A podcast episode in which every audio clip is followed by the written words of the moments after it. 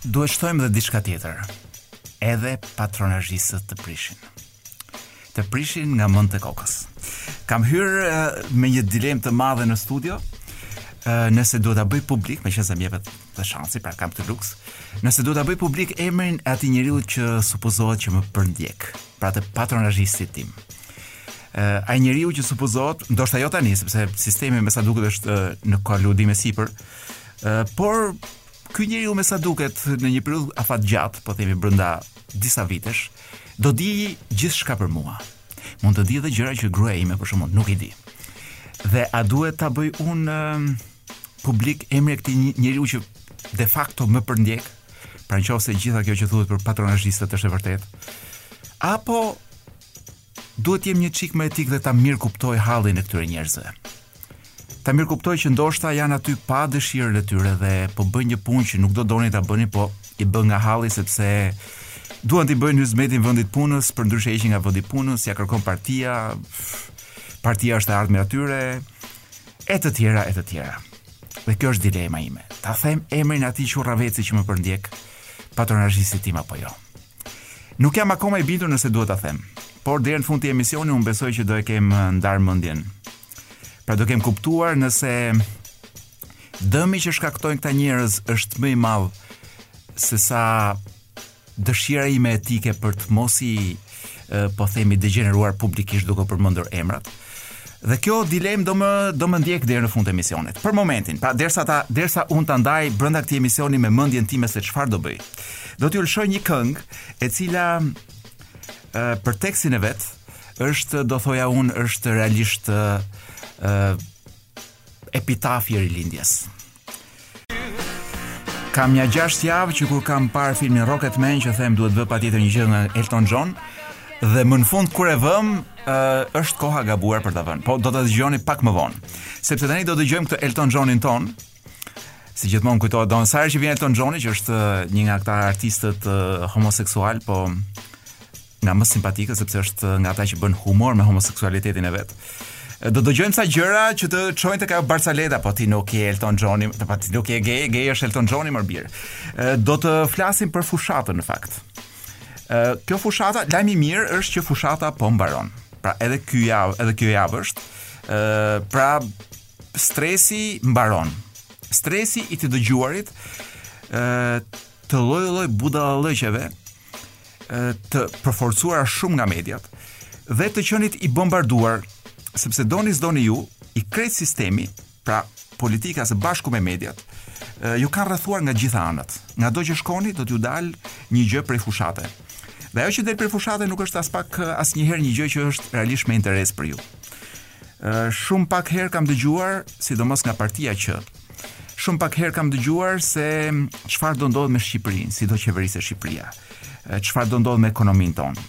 Kam dëgjuar lloj-lloj budallëqesh që thuhen thjesht sa për të mbushur radhën, dhe mbi të gjitha kam dëgjuar këtë lloj muzike, ja e dëgjojmë pak këtë kolazhin muzikor tani. Sekseri i Çamërisë. Me vetullat e Vangjel Dulës. Ja burrë me rrip me vetulla dhe gra e elon me vetulla dhe burra me gra. Peshqirin e Xhelalit, Simiten e Xhaferrit Durrësit. Merret me peshqirin e një burri tjetër. Leskos Vlorës dhe gërnetën e Mersinës. Apo me këtë lakuriqin e natës së gjatë. Ky si gjeli i agrares, kur shef gota e rakisë Leskon, dehet gota. Po më mirë raki se sa kokaina bjeri. Është fundshpina e ulët e Sekserit Çamërisë. Fjala fundshpinë nuk ekziston në shqip. Tabori i krushqve të uritur. Zgjohet nga gjumi në orën dy. Po ky ka fjetur me atë dhe e di se kur zgjohet ai. Me montazhe skuthash. I tregoj çfarë lolësh janë. Kjo është një parti e degjeneruar. Juve vazhdoni, jo Ali Mehmeti, jo Ali Babai, jo Sali Babai, jo Gjinua. Është dhe gjithë tabori i krushqve. Ky është hall fare ku ne merremi me këto. I lezetshëm po Deri ke gota e dytë, se pastaj. Kjo puna e gotave më habit, sa gota ka numëruar ky ty, që pinë të tjerët. Me këta shportë karavidhesh i quhet opozitë. Po këtë pastaj ka guston atë ngrënë. Legenash. Mbledhur ashtu bashkë. Rraqe rraqe. Ah, kryeministër. Çiki ko. Me Marika Morë që fle gjumë kom. Honxho Bonxhot e tjerë që vinë vërdallë. Po Gjek Markun për çfarë e doni? Një lolo. Viktimë. E njeh vetë atë që është lolo. Kukuvajkave. Saliuri. si Gogol dhe fshihet mbrapa qytetarit dixhital. Tashi do ta trembim me Gogol. Ka disa bosh që nuk duan ta fusin në rradaken e tyre. Ne jemi këta kokëboshët. Kërkojmë që për mustaqet e Saliut dhe për mollaqet e Lulit. Po që merr edhe mustaqet e burrave të tjerë dhe mollaqet e burrave të tjerë. Me barkun si i nxjerr kudo bardhaku. Do rritet konsumi i rakisë. Edhe gridare gridare gridare. Tani edhe do të bëjë fushatë folklorike, por edhe është, me sa kuptoj unë, kryeministri ynë është një kryeministër kundër rakisë. Nuk e kam dëgjuar ndonjëherë të jetë kundër hashashit, larg qoftë kundër kokainës, por qënka tmerrësisht kundër rakisë. Me sa di unë, rakia është akoma e ligjshme në këtë vend, Kokainë ajo. Kështu që nuk e di se pse e ka inatin me këta të drogës dhe nuk e ka me ata të kokainës, po kjo është një gjë që nuk do ta marrim vesh kurrë, por mund ta imagjinojmë të gjithë se pse. Dhe si. Dhe e, qershiza mbi tortë që ishte ky ishte një kolazh me ç'mundëm të mbledhim nga ato pak mundësi që kishim sepse është më i madh. Ë një kolazh ku vetëm merren nëpër gojë shahen me burra, me gra, me mustaqe, me me brekushe, me nuk e di, do u ketë hyrë të tjerëve deri në brekushe. Ë Por, por, qershiza mbi tortë është është kjo që ka thënë që ka thënë tashi punë 2-3 ditësh. Për mua Mimi ishte një super kinge me flokë të gjata. Nostalgjia e adoleshencës. Ja ato duartrokasin këta. Ato lloj kingesh që kur futet në Ky merr nëpër gojë një grua dhe këta duartrokasin. Pubertari krijojnë krijojnë fantazira Pra, uh, pak shumë pak ngeli pa thënë kryeministri që kishte masturbuar uh, me me imazhin e një zonje. Dhe unë ndjej duartrokitje në sfond. Tani nuk e kuptoj ata që duartrokasin. O, oh, ata që duartrokasin janë gra meqenëse ra fjala. Dhe kjo është një këtu ngrihet një pyetje dhe më e madhe për këto gratë që rrinë dhe dëgjojnë kështu lloj ë çfarë emri mund të gjej kështu që të jetë edhe pak i sofistikuar kështu allafrënga. Putë, domethënë nuk e di çfarë çfarë mund të them për për një kryeministër që shkon në fushatë, mbledh gratë dhe u flet se si masturbonte me një grua tjetër kur ishte adoleshent. Po le të diskutojmë për këto gratë që po e dëgjojnë. A kuptojnë ata që ky po fliste për masturbim? Lind pyetja. Unë besoj që pjesa më e madhe po. Po pse duartrokasin ato gra të shkreta? Lind pyetja tjetër. Kjo është një pyetje që do më mund më mundojë gjatë. Pse ato gra duartrokasin? Dhe çfarë duartrokasin? Duartrokasin këtë adoleshent që masturbonte apo një kryeministër të guximshëm që nuk ka turp të zbulojë, do nuk zbulon asgjë nga gjërat e veta, por zbulon vetëm këto gjëra të ku di unë e panevojshme që t'i dimë neve dhe t'i ndajë me neve apo duartrokasin bukurinë e madhe të zonjës Mimi Kodheli në atë kohë që ngacmonte dhe fantazitë e një pubertari siç e thotë vetë kryeministri nuk e di për çfarë duartrokasin ato gra po më vjen turp që jam grua të jemi sinqertë Do thuash që s'jam grua, po po të isha grua, do sa mirë që s'jam grua se do më vinte shumë turp, po të isha grua dhe të më detyronin të rrija aty dhe të dëgjoja nga këto lloj gjërash pa u skuqur dhe duar duke duartrokitur. Tani ky zotria i thotë këto gjëra me dije sepse sepse ky kërkon që ne, ja, këtë gjë që po bëjmë tani, të flasim për lapërdhitë e kësaj natyre dhe të mos flasim për gjëra konkrete, si do qeveriset Shqipëria. Jo, nuk do që të flasim për këto. Ky do që të zërë hapësirën tonë, edhe vëmendjen tonë, duke folur për masturbimet e veta adoleshentore dhe bravo i qoftë. Tani DJ më pyet shu si me, me sy më pyet. Ore, kur u rrit dhe pastaj e kishte vartë atë zonjën. Ç'ndodhi? Eh, i dashur DJ. Eh, nuk ta them dot sepse jam shumë i fokusuar tek fushata. A është kthyer ajo fantazi në realitet është pyetja e publikut, do thoja unë. Dhe kjo pyetje lind pikërisht sepse kryeministri këtë lloj komunikimi po ndërton për fushatë. Pra fushata është e fokusuar nëse kryeministri i vuri fantazitë e veta erotike me një zonjë të nderuar apo nuk i vuri në ë në jetë. Dhe fakti që po trajtohemi në këtë lloj forme, jo vetëm si dele, Po si dele të cilat mund t'i ngacmojnë erotizmat e kryeministrit. Pra dele të ndjeshme ndaj adoleshentëve që masturbuan dikur në vitet ku di unë, kur ka qenë kur, kur ka masturbuar ky me me me, me atë imazh që thoshte në vitet 50, 60 kur ka qenë? Kur ka qenë pubertar dhe i pafajshëm ndonjëherë kryeministri? Përveç moshës 0 deri në 5 vjeç. ku mendoj që të gjithë janë të pafajshëm deri diku. Megjithëse ky unë dyshoj që ky u vidhte lodrat kalamajve të tjerë që 3 vjeç. Por deri 2 vjeç ka qenë i pafajshëm. Ë, uh, nuk e di kur ka masturbuar. Të shkretët ne për këtë kryeministër. Por, gjëja e mirë siç thashë është që ky makth po mbaron. Dhe tani të kthehemi tek një gjë shumë më serioze që është uh, homoseksuali jonë elegant, Elton John, i cili nuk ka turp, jo vetëm nga të qenit homoseksual, por është krenar për atë gjë. Është një nga muzikantët më të mëdhenj të botës. Unë ju këshilloj ta shihni filmin Rocketman sepse mëson shumë për botën, për këngëtarin Elton John, edhe për epokën kur ky ishte një homos homoseksual atëherë kur ndoshta nuk ishte mirë të ishe homoseksual. Ke parti që edhe prokuroria të prish Ë Po lexoj, po lexoj tani, po paska ndodhur dy orë më parë, prokuroria ka vendosur të sekuestrojë Lapsi pikë al. Pra sikur problemi i patronazhizmit është problem i atyre që e nxorrën skandalin dhe nuk është problemi i atyre që e bëjnë skandalin. Është Është pak a shumë siç është shprehja mirë, ato, ato bëjnë seks dhe ne vetë na vjen turp, domethënë. Do shprehja këtyre grave të ndershme që atyre ne të mbyllim gojën, ato bëjnë seks dhe ne të mbyllim gojën. Ë uh, është shumë i çuditshëm ky vendim i pro, ky vendim i prokurorisë. Unë prisja, unë po prisja në fakt, meqenëse aludimet janë që databaza është marrë dhe është përdorur nga Partia Socialiste, gjëja më normale në botë do të ishte që të sekuestrohej sekuestroshin kompjuterat e partisë për të parë nëse është vërtet aty një databazë që përbën një krim që është unë mendoj krimi më i madh elektoral që ka ndodhur në Shqipëri të paktën sa mbaj mend unë në këto 30 vjet gjasme demokraci që kemi. Por le, le të rrim pak te patronazhistët, të cilët po lexoja në një hulumtim të BIRN-it, pjesa më e madhe janë Edhe njerëz që nuk duhet të merren me politik. Jan ose ushtarak ose punëtor të shtetit. Pra njerëz të cilët me ligj u ndalohet të merren me fushata. Nuk u ndalohet votojnë, nuk u ndalohet të kenë një opinion të vetin, por të merren me fushata dhe të jenë në thonjza vullnetar të një partie për të përndjekur të tjerët, kjo është e paligjshme, siç është edhe edhe patronazhisti im i cili punon siç kam marrë vesh në Bashkinë e Tiranës. Ë punon në Bashkinë e Tiranës, kuptova që paska 100 200 ku di unë ndoshta 300 njerëz të cilët i vëzhgon ndër ta është edhe familja ime ë Gjëja që jam akoma në dilemë nëse duhet t'ia them emrin apo jo këtij të dyshuarit për ë për mbikëqyrjen time familjare, është fakti që më ka ma ka vënë keq ose më saktë nuk më njeh mirë. Më ka vënë si votues PS-së ku unë gjithë jetën time, pra që kur po, po themi që në kopësht kam qenë opozitë. Pra që në kopësht i bëja opozitë edukatores. Por, sidomos kur m'u dha mundësia për të votuar, kam votuar historikisht kundër.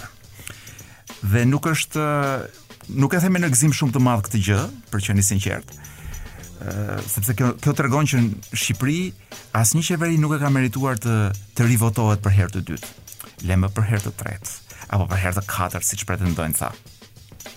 Ë është faji i këtyre qeverive që un kam votuar gjithmonë kundër. Faji i këtyre njerëzve që janë na janë propozuar për na qeverisur. Kështu që ky nuk e ka gjetur dot. Ë por le të rrim pak tek këta njerëz që janë patronazhist. Nga po. ç'po kuptoja un, ka dy kategori. Është kategoria e këtyre esnafëve të vjetër, ë uh, këta njerëz të cilët emocionalisht dhe kulturalisht nuk janë shkëputur dot nga koha e Enverit. Uh, pjesa më e madhe e tyre janë në një moshë po themi mbi 50. Uh, pra njerëz që kanë qenë kanë bërë jetë aktive që në atë kohë, që në kohën e komunizmit, kohë e komunizmit, kohën e asaj gjësë që ishte që mund ta quajmë si koha e komunizmit të cilët nuk njohin ose janë rritur dhe edukuar në frymën e një kontrolli partiak, Këtë gjë që bën sot Partia Socialiste, pra siç dyshohet që bën me anë të patronazhizmit, patronazhizmit e bënte fronti popullor në atë kohë, i cili dërgonte njerëz të cilët dinin çdo gjë për ty dhe duhet të dinin çdo gjë për ty. Mor deri dhe sa metra e ke antenën dhe nga ke të drejtuar antenën, nëse ke drejtuar për të parë italianin apo sllavin. Pra kjo gjë ndodhte dhe atëherë dhe grupi i parë i patronazhistëve, siç po e kuptoj unë duke i lexuar pak edhe nga moshat e tyre, është një grup um, që ka këtë lloj mentaliteti. Dhe kur ti i thret për t'i shërbyer partisë që vijnë të gatshëm, sepse ashtu e njohin, ashtu mendojnë se funksionon shteti dhe duhet të jenë pranë, pusht, pra duhet të kenë, ky është një pushtet i vogël për ta. Të kontrollojnë ca njerëz dhe t'i spiunojnë. Unë këta dhe mund t'i kuptoj sepse këta lloj delesh Këto lloj delesh e kanë të pamundur, domethënë, këto o, o janë për t'u ruajtur, pra për për t'u marrë leshin, o janë për për t'u çuar në kasapan. Në rast si i joni, janë edhe për të votuar. Por kategoria tjetër që mua më, më shqetëson dhe është pak, pak a shumë dhe kategoria e këtij djali që supozohet që më ka gjurmuar mua, ë është kategoria e këtyre moshave relativisht të reja, një pjesë janë të lindur mas 90-s, Sigurisht mund të jenë rritur në në familje me mentalitet fuksash. Por janë njerëz që kanë parë çik botë me sy, ku di unë, ndoshta kur ulen në nëpër tavolina mund të flasin dhe për Oscarët që janë këtë javë, meqenëse ra llafi. Mund të flasin dhe për gjëra elitare të tipit ë Princi Harry dhe princesha Meghan, ku di unë, pra gjëra të kësaj natyre. Këta njerëz si është e mundur që janë kanë pranuar për të qenë pjesë e këtij sistemi të paligjshëm ilegal monitorimi. Sepse po të hyjmë pak në anën ligjore, edhe sikur këta të mos kenë përdorur databazën e e-Albanias, edhe sikur këta t'i kenë mbledhur të dhënat vetë, unë shoh aty të gjithë të dhënat e mia të cilat unë nuk ja kam dhënë. Madje me ligj, në qoftë se ti i merr të dhëna dikujt, ai duhet të firmosi për këtë. Kështu që në çfarëdo lloj databaze që të ketë çfarëdo lloj partie, por dhe Partia Socialiste në këtë rast. Në qoftë se aty janë të dhëna që nuk janë miratuar nga personi që i ka ato të dhëna, pra në qoftë se numri im i telefonit është aty, por është pa firmën time që e miratoj, është e paligjshme. Pra, edhe sikur këta të mos e kenë abuzuar databazën e e-Albanias, Sistemi që këta kanë ndërtuar për të na marrë në telefon, dhe ju keni marrë gjithë telefona, telefonata të kësaj natyre. Alo, uh, nga Partia Socialiste ju marr. Ju jeni filani? Po. Ju punoni në filan vend? Po. Ë, uh, për kë do votoni? Pra kjo lloj telefonate që dhe unë për këtë jam gati të shkoj në prokurori në gjyq ku të duan ata. Ë, uh, sepse kam dy burime të sigurta që kanë marrë telefonata të tilla pa dhënë numra telefoni. Kjo lloj telefonate në fakt është një shantazh i hapur. Sepse kur ty të përmendin që ti je filani dhe punon filan vend, dhe këtë gjë ta thotë dikush një një femër anonime nga zyrat e Partisë Socialiste, atëherë kjo gjëja është një shantazh i votës. Sepse një njeri që punon në shtet, po themi ku di unë, në ministrinë filan, kupton që dinë çdo gjë për të. dhe trëmbet. Për të mësuar që këta mund të bëjnë telefonata dhe në orën 6 mbasdite për të detyruar të dalësh ose për të kontrolluar nëse ke votuar apo jo ditën e votimit. Pra e gjitha kjo është një skandal i jashtëzakonshëm. Dhe nuk është ajo që thuhet që janë vetëm të dhënat tona që kanë dalë. Është përputhja këtyre të dhënave tona me një sistem monitorimi bazuar mbi ato të dhëna. Dhe në këtë krim kanë marrë pjesë gjithë këta patronazhistët. Dhe kjo është çështja. Ndoshta kanë qenë të detyruar. Ky patronazhisti im ndoshta i ka dhënë për, ka futur ca ca të dhëna kot aty, domethënë nuk ka nuk e ka marrë mundimin të bëjë një hulut hulumtim të vërtetë. Por kjo nuk e bën më pak fajtor.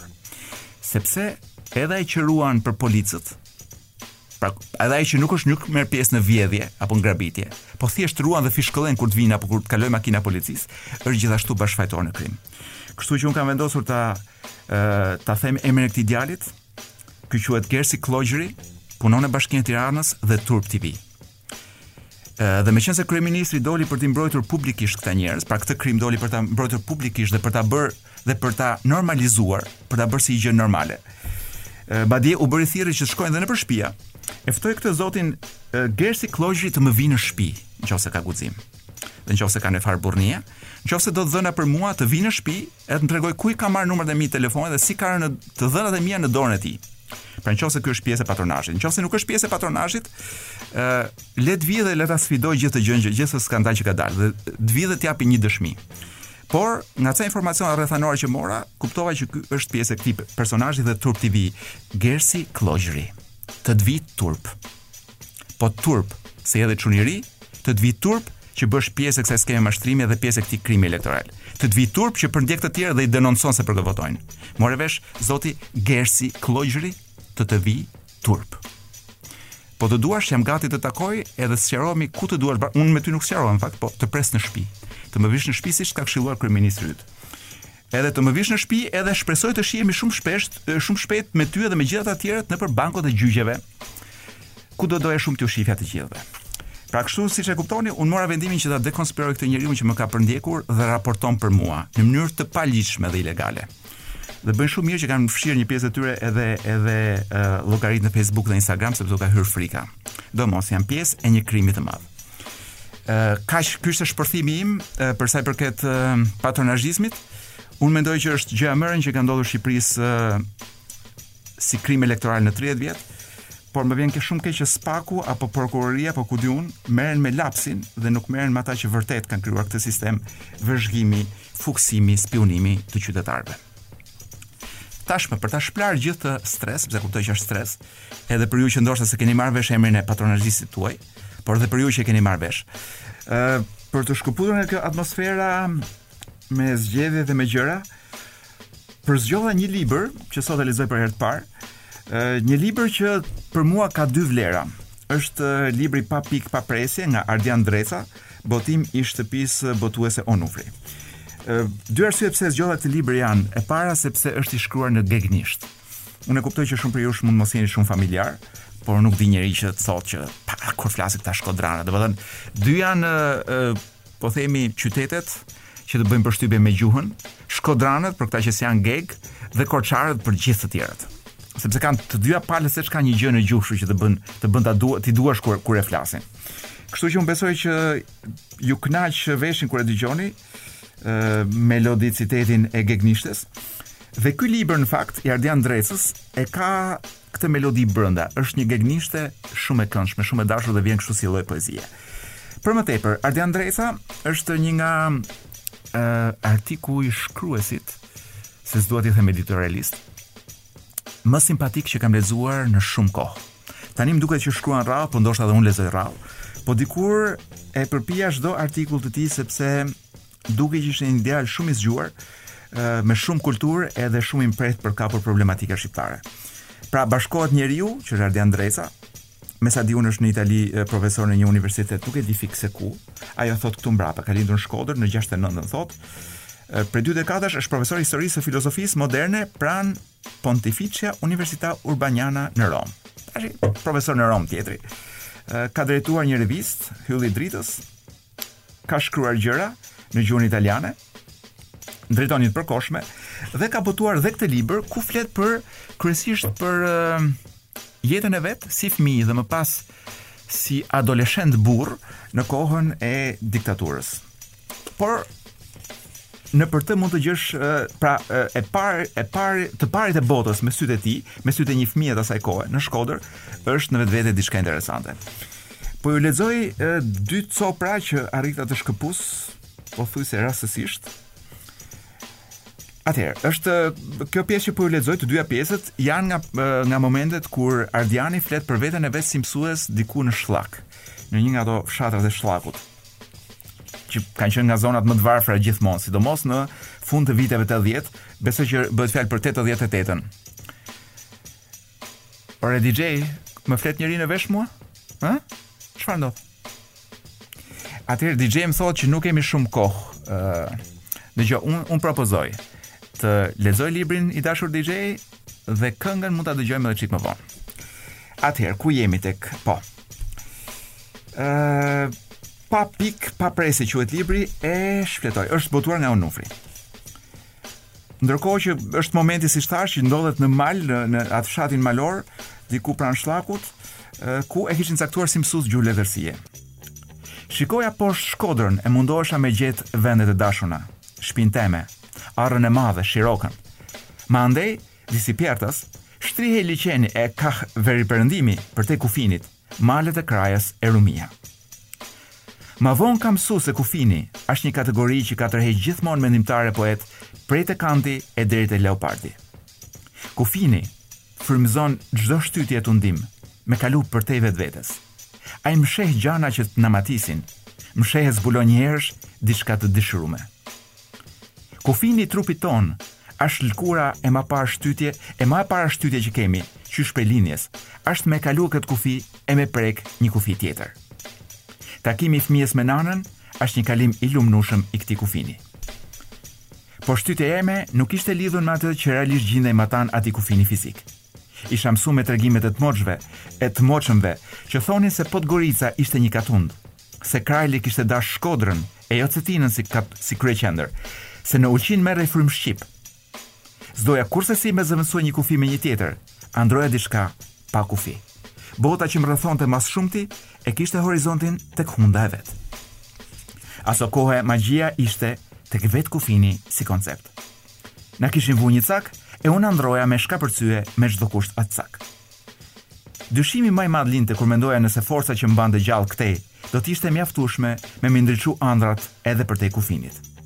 Më dukej se kufini ishte vu vetëm për me mat forcën teme, për me ec përtej e me gjet diçka që ende s'e dija se çka ishte. Më brenin shumë dyshime, por ma i forti ishte ai nëse do të isha me të vërtetë i lumtun kur të gjeja atë që s'e njihja, por e dëshiroja me gjithë shpirt. Pak më vonë tregon për ardhjen e një e një personi në shkollë dhe e përshkruan në këtë formë. Një ditë drejtori që ishte një burrë i urtë e i pakënaqun prej regjimit, na ndërpreu mësimin e na thirri me dalë n'oborr. Lamë nxënësit n'klasë e dolëm. Jashtë, tu përplasë kamët si kali çmenun, rrinte Gjetoja. Një skopell sa gazepi, komunisti i sektorit, të cilin mundoheshim me e shmangë se ishte i keq dhe budallë. Domethënë, si biçim patronazhisti, po i kohës së Enverit. Afër tij ishte Marini, një nxënës i emi me fytyrën pak të skuqun. E doja n'veçanti pse ishte jetim ka baba e dukej shumë inteligjent. U mblodhëm gjithë mësuesit dhe drejtori, i cili ishte dukshëm siklet dhe tha, Shoku Gjeto ka ardhë pse ka ndodhë diçka serioze dhe po ja shpjegon dhe po ja spjegon ai vetë. Gjetoja qiti kasketën m'një anë, mori në krah xhaketën e kadifes që mbante të varur mbi shpatulla dhe nisi si ortek që dhe nisi si ortek që bjen prej malit, me rrokullisë fjalë mas fjalësh, tu u mundu me nënvizu se punët nuk shkonin mirë për faj të mësuesve. Ma në fund i doli kryet punës. Sot nadje e takoj në rrugë këtë fëmijën, tu diftu nxansin ton. E ky a e dini se çka po më thot? Më ka fol gjermanisht. E më ka than u nal e ju soll fëmijës tu e detyru me përsërit fjalët Buongiorno, signor Gjeta. Ne gati sa s'ja shkrepëm gazit, por tu e njohtë se kush ishte e mbajtëm veten. Ah, më duhet ta ndërpres këtu leximin. Por uh, gjithë ideja është që Gjetoja e konsideronte gjermanisht fjalin buongiorno signor Gjeta dhe shfaqje t'huj dhe kryesisht ishte faji i mësuesve dhe kishte ardh me kërku se kush ishin këta mësues që i mësonin gjermanisht fëmijëve që ishte e ndalume në atë kohë. Atëherë e mbyllim librin pa pikë pa presje të Ardian Ndrecës Në në socialet tona mund të gjeni se si mund ta blini në bukinist.al me ulje, me 20% ulje këtë libër dhe libra të tjerë. Libri Ardian i Ardian Ndrecës pa pikë pa presje. Ë më kujtohet që në Shkodrën e asaj kohe dëgjoja shumë dhe Hari Mata Hari ishte gati gati një mit. Ë pa pikë pa presje në bukinist.al e merrni me njëzet për qind ulje. Madje i pari që ka shkruar sot që ka që ka futur kodin në bukinist.al e ka marrë librin falas. Por mund të merrni edhe oferta të tjera me ulje vetëm përmes eh, Top Albania Radios. Kështu që futuni në rrjetet tona sociale. Eh, dhe më duhet të rikujtoj sepse është e rëndësishme kjo. Më duhet të rikujtoj një ngjarje eh, jo një ngjarje, por një intervistë që përshkruan dhe ngjarje, është intervista e një gjuetari nazistësh. Nuk më kujtohet emri i atij zotërisë, ishte ishte sigurisht izraelit, por i lindur në një nga këto vendet baltike, më duket se në më duket se në Letoni. Dhe ai përshkruante i, i madh në moshë, ndoshta gjuetari i fundit i nazistëve, dhe ai përshkruante kujtimet e veta të asaj periudhe shumë të vogla, domethënë ishte i madh në moshë, siç thashë. Ë, por mbi gjitha përshkruante luftën e vet. Çfarë janë gjuetarët e nazistëve? Gjuetarët e nazistëve janë ë janë kryesisht izraelitë, të cilët kur panë që drejtësia nuk po funksiononte në botë. Pra u, në gjyqin e Nurembergut u dënuan u dënuan disa nga kapot nazistë, por shumë prej tyre që kishin bërë krime u fshehën, ndërruan identitet, rindërtuan jetë të reja nganjëherë edhe në pozicione të larta në vende të tjera, pra disa shkencëtarë të lartë e tjera e tjera, këta u vunë në gjurmim për të tyre për t'i diskredituar, për t'i zbuluar dhe për t'i vënë përpara drejtësisë, le ta quajmë botërore. Dhe ky nuk ka hequr akoma dorë, thoshte është akoma një nazist, është duhet jetë diku 90 e ca vjeç. dhe është akoma gjallë dhe po e kërkonte. Dhe arsyeja pse po e kërkonte ishte kjo. Dhe kjo ka shumë rëndësi mendoj për Shqipërinë e kësaj jave. Sepse tha, kur trupat SS të Hitlerit mbërritën në në vendin tim, që duket duk, mund të ketë qenë Estonia. Kur ata mbërritën atje nuk kishin informacion, dhe ata nuk e dinin ku ishin çifutët. I ndihmuan vendasit. i ndihmuan patronazhistët estonezë në atë kohë. Domethënë njerëz si puna e patronazhistëve, të cilët filluan të shënonin me kryqe të gjitha shtëpitë ku kishte çifutë. Të cilët i njihnin kush ishin çifutët e lagjes dhe shkuan dhe i denoncuan të gjithë pranë autoriteteve duke dhënë gjithë informacionin, ku ishin, sa ishin, sa fëmijë etj etj, në mënyrë që të mos shpëtonte asnjeri. Arsyet pse këta njerëz e bënë nuk kanë shumë rëndësi dhe nuk është vendi ndoshta në radio për t'u zgjatur. Ë, por dëmi që kanë sjellë tashmë dihet dhe nuk mund mohohet. Janë 10 milion njerëz të shkrirë nëpër kampet e përqendrimit. Kur them të shkrirë, të shkrirë fizikisht në dhoma gazi etj etj, sepse disa patronazhistë vendosën të ndihmonin trupat SS dhe t'u tregonin cilët janë çifutët. Dhe kjo që po ndodh sot në Shqipëri, sigurisht nuk do vdesë njeri, por mjafton të të lënë pa punë. Pra, mjafton që nga informacioni që përcjellin patronazhistët të ngelesh pa punë dhe në Shqipëri ose në botë sot, në botën e sotme, të të lënë pa punë është praktikisht si të vdesësh. Pra është një vdekje sociale. Pra të humb mundësia për të pirë një kafe, për të paguar një kredi, për të çuar fëmijën në shkollë, dhe kjo është më keq se vdekja madje. Kështu që kjo është arsyeja sepse unë mendoj që ë kjo puna e patronazhistëve është diçka që i duhet shkuar me themel dhe shumë seriozisht. ë dhe unë e kam marrë shumë seriozisht e tjera. Sot të vetmet lajme rozë janë lajme që përmbajnë brenda qendra ë spa. Por edhe në këtë kohë zgjedhjesh dhe lajmet me qendra spa dhe me prostitucion elitar nuk po dalin më Kështu që do kënaqemi me këto lajme që kemi. Lajmi i parë nga këto të po themi soft. Do të thonë ne lajmet i ndajmë në hardcore dhe në softcore. Ë, në lajme softcore marr vesh i paska dalë një raport nga komisioneri për diskriminimin i cili tregon se ku janë, pra cilat janë qytetet ku shqiptarët ankohen më shumë për diskriminim dhe gjeni cili është cila është arsyeja kryesore për cilën ankohen. Arsyeja kryesore është se diskriminohen për shkak të bindjeve politike. E kujt ia merrte mendja? Ndërkohë që mbas Tiranës që ndoshta dhe për shkak të popullsisë zë vendin e parë të ankesave për diskriminim, në vend të dytë qenka Shkodra dhe medaljen e bronzit për diskriminimin në bazë të këtyre të dhënave e merr gjeni kush, s'e merr dhe mendja kurrë, Mati. Mati që juve mendoni që nuk ekziston dhe është thjesht një shprehje gjeografike. Jo vetëm ekziston, jo vetëm jetohet, po me sa kuptoj jetohet dhe me stres dhe me diskriminim atje. Pra, shkaku kryesor bindjet politike që është normale, pastaj gjuha, raca, gjendja ekonomike, gjendja familjare. Ore, po nga gjendja familjare si mund të diskriminojnë?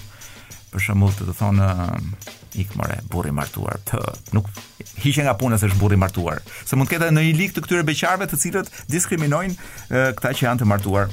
Kalojmë te lajmi tjetër, një Rambo shqiptar në Itali.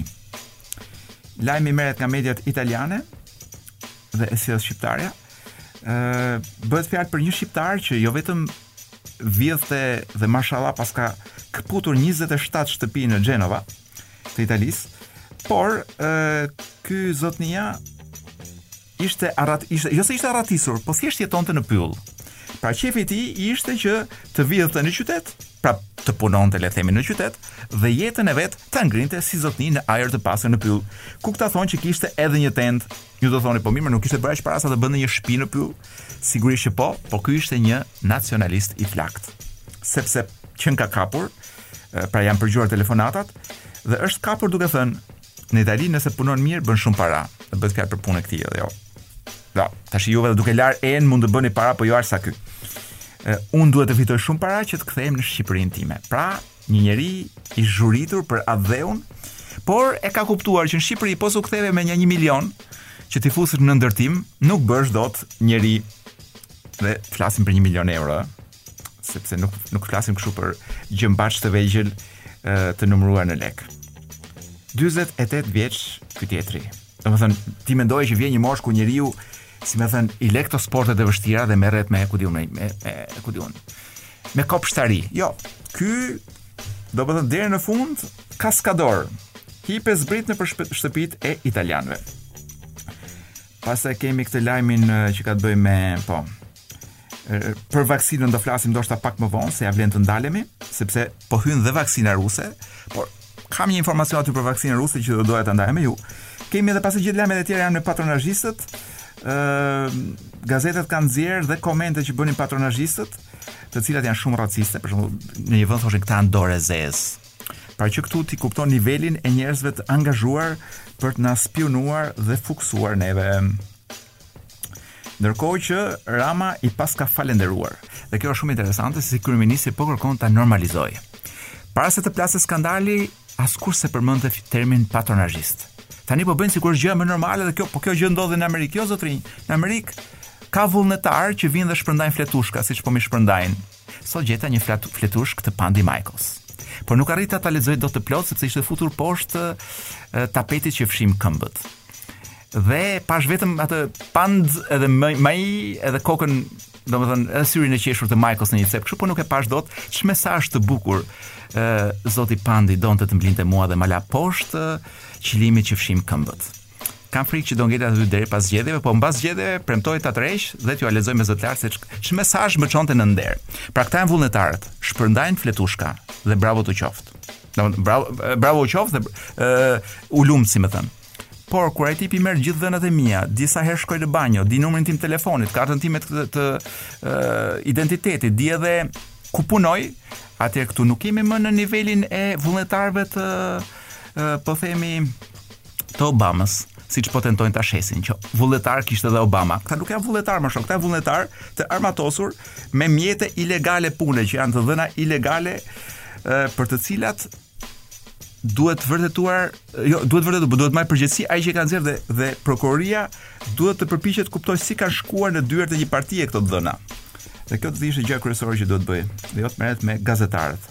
sepse gazetarët këtë punë kanë të të zbulojnë skandalet dhe t'i bëjnë publike.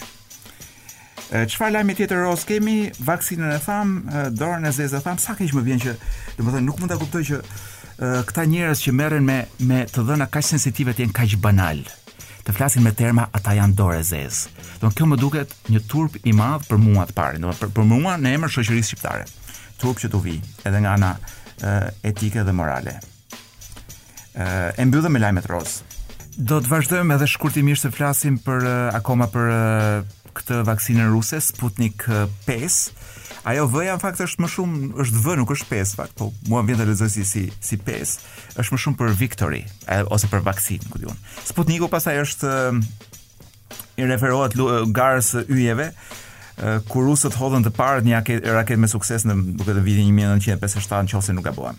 Por të rrim tek vaksina ruse. Vaksina ruse është e bërë me vektor, gjëja që i dha rusëve avantazh ishte se ky grupi që ka punuar me vaksinën ruse, po punonte me shumë vaksina të tjera, me MERS-in, me me Ebolën. Pra kishin ndërtuar një vektor dhe atë vektor ia përshtatën virusit të ri që filloi të qarkullonte dhe që ishte koronavirusi COVID-19.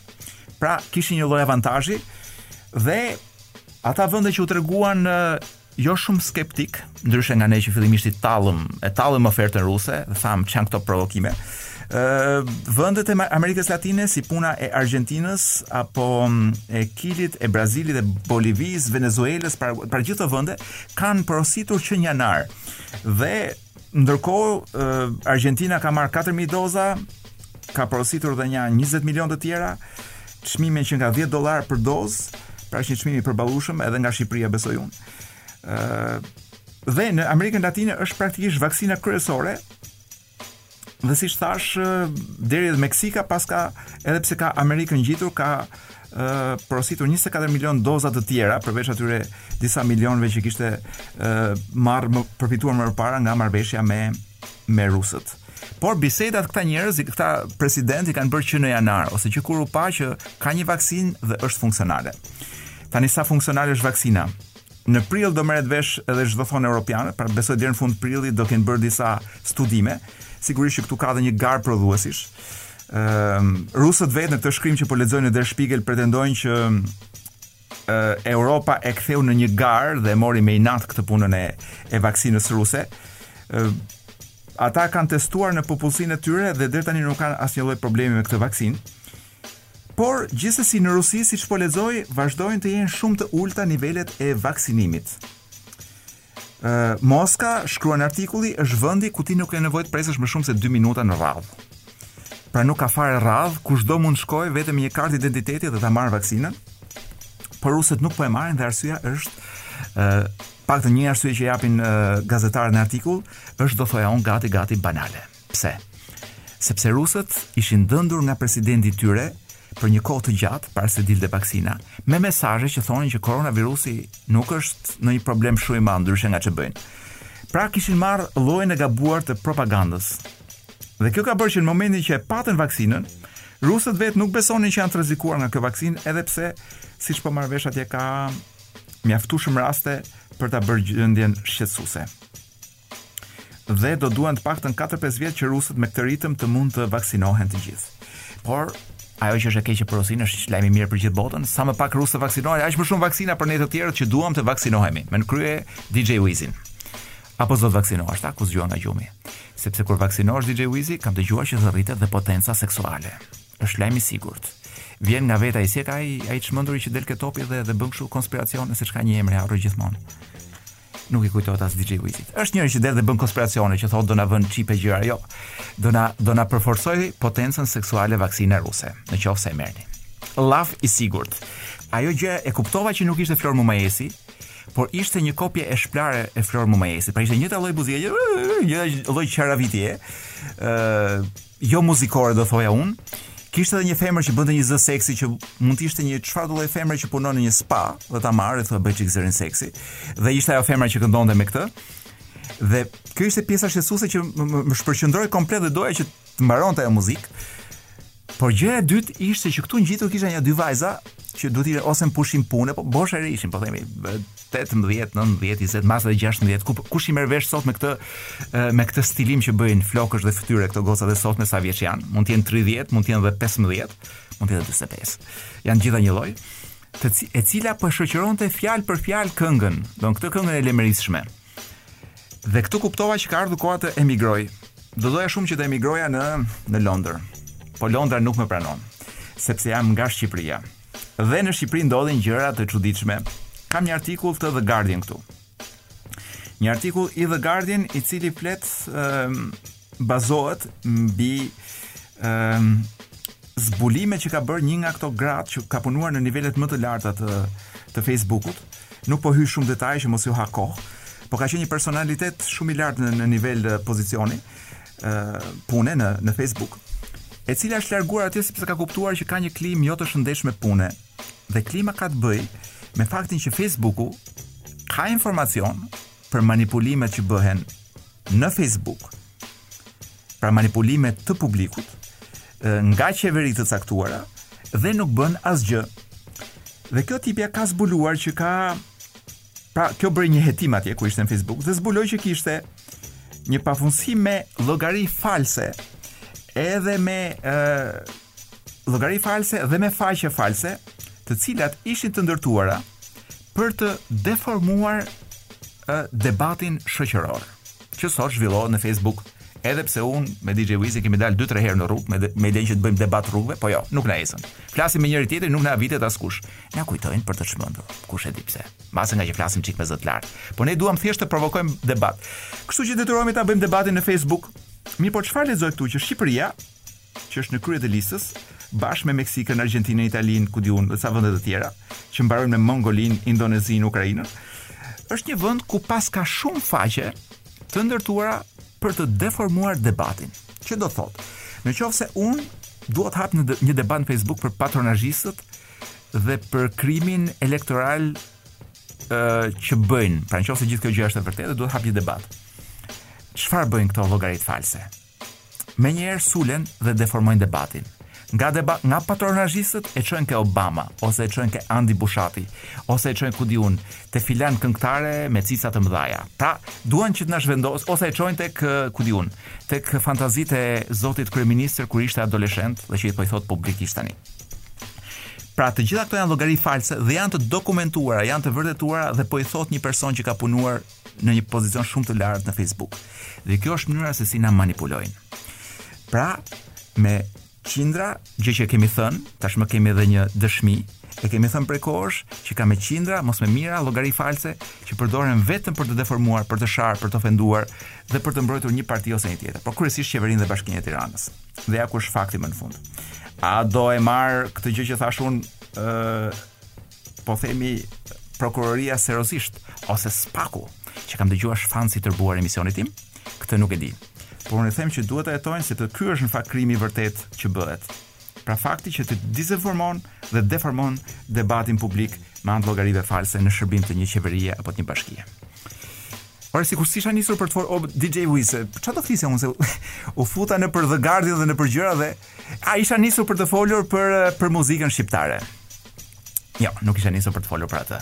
Do t'ju pata një kështu një flashback të gjërave që më kanë pëlqyer. Ndërkohë që kryeministri kishte ku di un fantazira uh, erotike, adoleshentore, unë në fakt dëgjoja muzikë uh, ku di un, që që unë mendoja në atë kohë që ishte çik si ndryshe. Me krenari mund të them që kam i vogël isha, po kam dëgjuar Nirvana kur pakkush i dëgjonte në Tiranë. Pastaj u bënë mainstream dhe hoqa dorë. Ë, kjo është Top Albania Radio dhe ky është komunikimi im i fundit në këtë epokë, se kur takohemi pastaj do jetë një epokë tjetër. Ë, dua t'ju them një gjë kështu patetike. Deri diku, më ndodh vazhdi, më ka ndodhur se nuk më ndodh më sepse kanë zhdukur më duket atë objektin. me sa më kujtohet. Po ka qenë një periudhë kur zbrisja Llogaran dhe diku aty në një po themi pikë ushtarake të braktisur, kishin mbetur disa parulla ushtarake. Dhe kam lexuar tre fjalë, ë që ti kur i sheh herë pas here, pastaj edhe kur zbret Llogaranë nuk është se ke ça të bësh dmth, okay, do dëgjosh një muzikë, budallallëqet kanë mbaruar bisedat me kohë dhe ti fillon dhe reflekton për gjërat pak nga pak deti përpara ti ishujt grekët grekët tutje Dhe lexoja këtë parullën që thoshte atdheu nderi detyra. Njeriu kalon disa faza në jetë, ka dhe atë fazën ku gjithë këto parullat e bëjnë me vjell. Pastaj ka një moment kur i rikthehet edhe njëherë me një sy tjetër dhe në fakt, pavarësisht çfarë ushtrie ka qenë apo çfarë vendi kemi qenë, po ndoshta këto janë tre gjëra me rëndësi në jetë. Atdheu, nderi, detyra. Më vjen shumë keq kur shoh, sidomos me këto patronazhizmat dhe gjërat, kur shoh që këto tre gjëra që mua më kanë filluar të më duken gjëra të rëndësishme në fakt. Atdheu, që për ne është një copë leckë, për ta shqyer dhe për të marrë ç'të mundemi, nderi që nuk ekziston më sepse kemi fuksa, njerëz që fuk nga ata patronazhistët, Mora vesh nga një shok që e spiunonte kushëriri i babait që u hynte në shtëpi. Pra e kishin patronazhist. Edhe spiunonte që këta ishin me PD-n kur ai ishte në PS. Ë Pra nderi nuk ekziston më me sa shoh unë, detyra jo jo se këtu në këtë vend vetëm për detyrë nuk bëhet fjalë. Pra i kemi humbur këto tre elementë që bëjnë në fakt një komb që mund ta mbledhin një çik. Dhe po shkojmë në këto votime, ku di unë, ka njerëz që do shkojnë për të votuar sepse duke shërbyer diku shpresojnë karrierë. Dikush i bën do shkojë për të votuar se do i bëjë hizmetin punës që ka ose dikush thjesht për një copë bukë sepse merr një rrogë dhe ka frikë se e heqin që andej. Dikush do shkojë sepse njeh një lidhje te kjo partia Q ose partia F edhe E njeh pra, e ka atë lidhjen atje po ë shpreson të rregullojë diçka. Ë dikush tjetër do votojë vetëm sepse voton më të fortin, se kështu ja do qefi. Do votoj më të fortin, cili është më i forti nga këta? Më pika pika ë më ë deri nga këta të do vot. Pra ka njerëz që votojnë për arsye të çuditshme. Unë ndoshta do ju bëja thirrje, s'bëj dot se në fakt s'jam njeriu që bën dot thirrje se edhe më dhemb pak shpina. Edhe një çik mëlçia. Ë por unë vetë do doja që unë, po edhe ju, në qoftë se është e mundur, po sikur të votojmë për Shqipërinë këtë radhë, po sikur të mos votojmë për këto gjërat e vogla të parëndësishme dhe themi, ça është e mirë për Shqipërinë? Dhe a mund ta bëjmë këtë gjë, a mund të dalim një numër të madh për të votuar këtë radhë për Shqipërinë? Do ju lutesha shumë. Dhe për ta mbështetur këtë që po them, para se të largohem, Ë do i do i lë vendin një këngë që është një këngë për vendin tim, për vendin tonë, domethënë. Është Troja, grupi më i madh i rockut që këndon në shqip. Dhe ky është vendi im. A mund votojmë ndoshta ne për Shqipërinë? Të dashur miq, do takohemi mbas një jave, miru takofshim në Shqipërinë e lirë.